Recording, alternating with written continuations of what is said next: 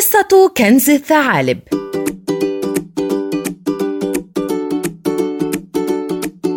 كان الثعلب ثعلوب. يمشي قرب بيت الديك كوكو.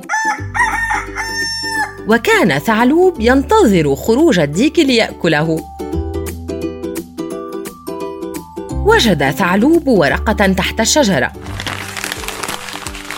فتح ثعلوب الورقة وأخذ يقرأ ما فيها. قرأ ثعلوب إذا أردت الوصول إلى كنز الثعالب فعليك أن تقوم بعدة أمور. أولاً أركض حول الغابة.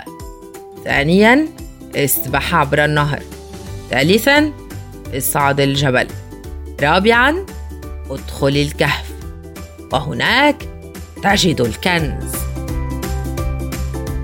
فرح ثعلوب لأنه سيصبح غنياً. قرر أن ينفذ ما في الورقة ليأخذ الكنز. ركض ثعلوب حول الغابة.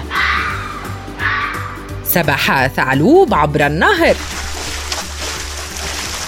صعد ثعلوب الجبل وأخذ يقفز من صخرة إلى صخرة. وصل ثعلوب أخيرا إلى الكهف. وفجأة أغلق الباب الحديدي للكهف. نظر ثعلوب إلى خارج الكهف فرأى الديك كوكو والكلب يضحكان كثيرا. عرف ثعلوب أن الديك خدعه وهو الذي وضع الورقه ليضحك عليه ويعلمه درسا لن ينساه.